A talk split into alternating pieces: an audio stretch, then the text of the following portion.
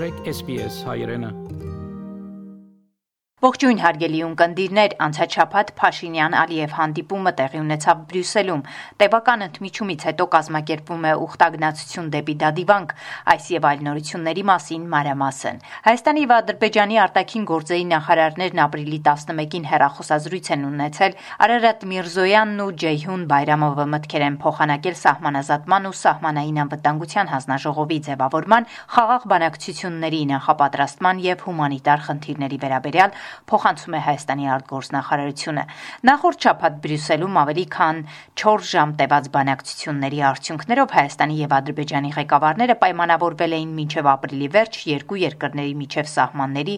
դելիմիտացիայի հարցերով երկկողմ հանձնաժողով ստեղծել, որոշտված կլինի նաեւ սահմանի երկայնքով անվտանգություն եւ կայունություն ապահովելու հարցերով։ Փաշինյանն ու Ալիևը նաեւ արտգործնախարարներին հանձնարարել են սկսել երկու երկրների միջև խաղաղության բանակցությունների ծրագրերի նախապատրաստական աշխատանքները Բրյուսելում Հայաստանի վարչապետ Նիկոլ Փաշինյանի, Եվրոպական խորհրդի նախագահ Շարլ Միշելի եւ Ադրբեջանի նախագահ Իլհամ Ալիևի երակողմ հանդիպումը տեղի է ունեցել ապրիլի 6-ին։ Հայաստանի կառավարության փոխանցման վարչապետ Փաշինյանն անդրադարձել է նաեւ ադրբեջանական ստորաբաժանումների վերջին գործողությունների հետևանքով Արցախում ստեղծված իրավիճակին, հումանիտար խնդիրներին։ Ղարաբաղյան հակամարտության հարցով զբաղվող ԵՀԿ Մինսկի խմբի փլուզման մասին Ռուսաստանի արտգործնախարար Սերգեյ Լավրովի հայտարարությունից հետո ԵՀԿ Մինսկի խմբի Ֆրանսիայի համանախագահ Բրիս Ռոկվոյը Հայաստան է ժամանել։ Հայաստանի արտգործնախարար Արարատ Միրզոյանի հետ հանդիպմանը կարևորվել է ԵՀԿ Մինսկի խմբի համանախագահության դերը իր մանդատի շրջանակներում Լեռնային Ղարաբաղի հակամարտության կարգավորման գործընթացում հաղորդում է Հայաստանի արտգործնախարարությունը հավելելով, որ քննարկվել է նաև Լեռնային Ղարաբաղում Ռուսաստանի խաղաղապահ խմբի պատասխանատվության գոտի, Փարուխ գյուղ եւ մերձակա հատվածներ ադրբեջանական զինված ուժերի ներխուժման արդյունքում ստեղծված իրավիճակը։ Իդեպ մինչ այդ երբ Միրզոյանը Մոսկվայում էր, Ռուսաստանի արտգործնախարար Սերգեյ Լավրովը համատեղասուլիսում հայտարարեց. Ֆրանսիան ու Միացյալ Նահանգները հրաժարվել են համագործակցել Ռուսաստանի հետ Միսկի խմբի երյակում եւ թե արևմուտքը վեր է դասել Ռուսաստանի հետ տարաձայնությունները Ղարաբաղյան խնդրի կարգավորումից։ Հայաստանի արտգործնախարարը մինչդեռ չկի կիսեց Լավրովի գնահատականը եւ նշեց, որ միջազգային համայնքը շարունակում է Ղարաբաղյան խնդրի կարգավորումը տեսնել Մինսկի խմբի ձևաչափով։ Լավրովը հայ գործընկերոջ հետ հանդիպման սկզբում հայտարարել է, որ Ռուսաստանը կշարունակի Հայաստանին օգնել սահմանը պաշտպանելու եւ բանակը հզորացնելու գործում։ Լավրովի մեկ այլ հայտարարություն բուրըն քննարկման առիթ է դարձել Հայաստանում, նա ասել է. «Մեջբերեմ, մենք ընդհանուր առմամբ հետաքրքրված ենք միասնական կրթական, գիտական եւ լեզվական տարածք ստեղծելով եւ իհարկե նաեւ աջակցելու ենք հայկական մշակույթի ու հայերեն լեզվի շարունակականությանը Ռուսաստանում»։ Հայաստանի ազգային ժողովի ինդիմադիր Հայաստան եւ պատիվ ունեմ խմբակցությունները տևական դաթարից հետո ապրիլի 5-ին նորից հանրահավաք են հրավիրել Ազատության հրապարակում հանուն Արցախի փրկենք Հայաստանը խորագրով։ Այսօր իշխանությունը խոստանում է խաղաղություն, բայց ում է խոստանում այդ խաղաղությունը։ Մեզ հայ ազգին ոչ Այս իշխանությունը խոստանում է խաղաղություն Ադրբեջանին եւ Թուրքիային նա խոստանում է, որ չի լինի հայկական այնպիսի պետություն, որի հետ դրանք ստիպված ուզել, չուզելով պետքա հաշվի նստեն։ Այս խաղաղությամբ կբացվի թուրք ադրբեջանական խաղաղության դարաշրջանը, երբ Հայաստանը կդառնա այդ երկու երկրների համար ոտի տակի երկիր։ Այդ ժամանակ Թուրքերը խաղ կապրեն այդ հաստատ։ Այս խաղաղությունը ժողովուրդ ջան, Ադրբեջանի համար նշանակում է Արցախի որպես ինքնորոշված հանրապետության վերացում։ Այս խաղաղությունը նշանակում է Սյունիքի ուզուրպացիա։ Այն կլինի թուրք-ադրբեջանական ուղիները սпасարկող շրջան։ Այդ ժամանակ թուրքերը խաղաղ կապրեն։ Այս խաղաղությունը խոստացված Թուրքիայի համար նշանակում է ցեղասպանությունը մարսելը։ Մի բան, որի դեմ 100 տարի ամբողջ հայությունը աշխարհը պայքարել է։ Այս խոսքերը ցավոք չափազանցություն չեն։ Ազատության հրապարակում է եղել նաև հանրապետության երրորդ նախագահ Սերժ Սարգսյանը։ Հայաստան ոտքի, Արցախ, ոտքի, Հայաց, ոտքի։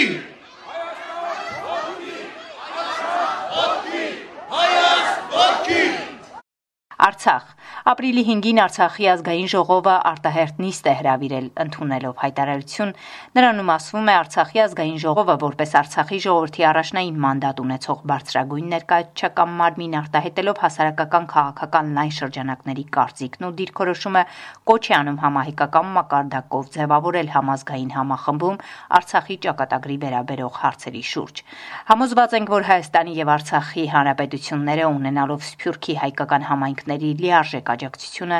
մեկ բռունցք դառնալով միասնաբար կարող են դիմագրավել տարածաշրջանային մարտահրավերները պաշտպանելով մեր ազգային շահերը։ Հայտարարությունում ասվում է նաև, որ հայոց պետականության լինելիության եւ հայ ժողովրդի անվտանգության բանալին գտնվում է Արցախում։ Նախագահ Արայք Հարությունյանի գլխավորությամբ Ստեփանակերտում քննարկվել են անվտանգության հարցերը, անդրադառնալով Արցախի սահմանամերձ դարձած Փարուխի եւ Խարագլխի հատվածում ադրբեջանցիների առաջխաղացմանը, Արայք Հարությունյանն ասել է, որ դրանից առաջ շփման գծի այդ մասում լարվածությունը մեղմասնելու նպատակով հայ դիրքապահներին փոխարինել էին ռուս խաղաղապահները։ Նման նախադեպ մենք ունեինք Եղցավողում, Մադաղիսի հատվածում, Թաղավարտի հատվածում եւ լարված շփման գծի տարածքներում, որտեղ մենք հետագայում մեր դիրքերը փոխարինել ենք խաղապահ ուժերով, որոշակի կայունություն եւ ավելի հանգիստ իրավիճակ ենք ունենում։ Մենք պետք է ֆիքսենք, որ համաձայնագրի երակող նոյեմբերի 9-ի 20 թվականի գրված է, որ շփման գծի ամբողջ երկայնքով պետք է տեղակայվեն ռուս խաղապահները։ Այսինքն ըստ այդ համաձայնագրի դիրքեր չպիտի լինեն ոչ մեր կողմից, ոչ Ադրբեջանի։ Բայց քանի որ խաղապահ ուժերի քանակը բավարար չէ ամբողջ երկայնքով իրականացնել դա, իսկ ադրբեջանական ստորաբաժանումները շարունակում են ոչ միայն տեղակայվել, այլ մշտապես կրակի տակ պահել մեր շփման գիծը եւ շփման գծի հարևանությամբ գտնվող բնակավայրերը, կանխելու առաջխաղացումը եւ վտանգները մենք շարունակում ենք իրականացնել մարտական հերթապահություն։ Խաղաղության օրակարգը չի նշանակում հրաժարվել որևէ տարածքից հայտարարել է նախագահ Արայք Հարությունյանը։ Արցախի ժողովրդի,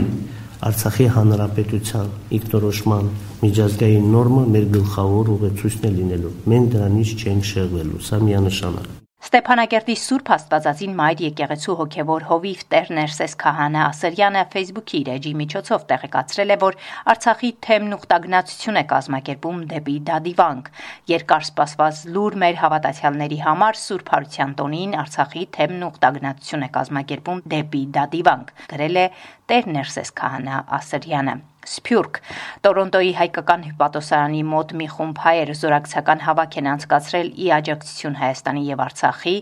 Տորոնտահայությունը Արցախի եւ Հայաստանի կողքին պաշտպանելով Արցախը պաշտպանենք Հայաստանը խորագրով Վարչապետ Նիկոլ Փաշինյանն անցաչափած կառավարությունում հանդիպել է Հայաստանի պետական կառավարման մարմիններում Սփյուռքի մասնագետների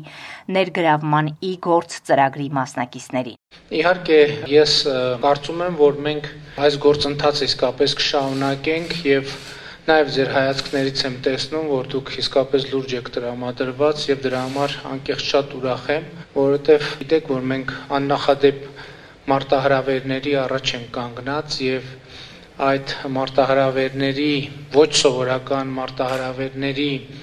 հասցեագրումը եւ լուծումը պահանջում է ոչ սովորական մոտեցումներ եւ մենք հույս ունենք որ դուք ձեզ հետ կբերեք այդ ոչ սովորական մոտեցումները եւ նաեւ մեզ կօգնեք կհարստացնեք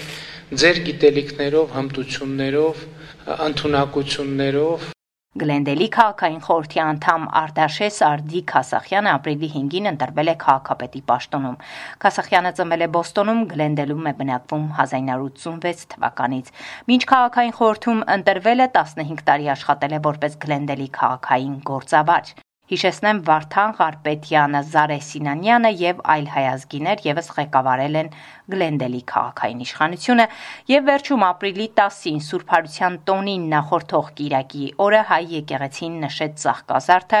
որը Քրիստոսի հաղթական մուտքն է Երուսաղեմ։ Հիսուս Քրիստոսի հրաշափառ Սուրբ Հարության տոնը Զատիկը հայ առաքելական եկեղեցին այս տարի նշում է ապրիլի 17-ին։ Այսքանը անցնող շաբաթը Հայաստանում, Արցախում եւ Սփյուռքում հաղորդումն SBS-ի համար պատրաստեց Գիտայ Լիբեկյանը։ Հավնե, լայք, բաժնեկցե, դարձիկը թայտնե, հետեւե SBS հայրենին թիմադեդի վրա։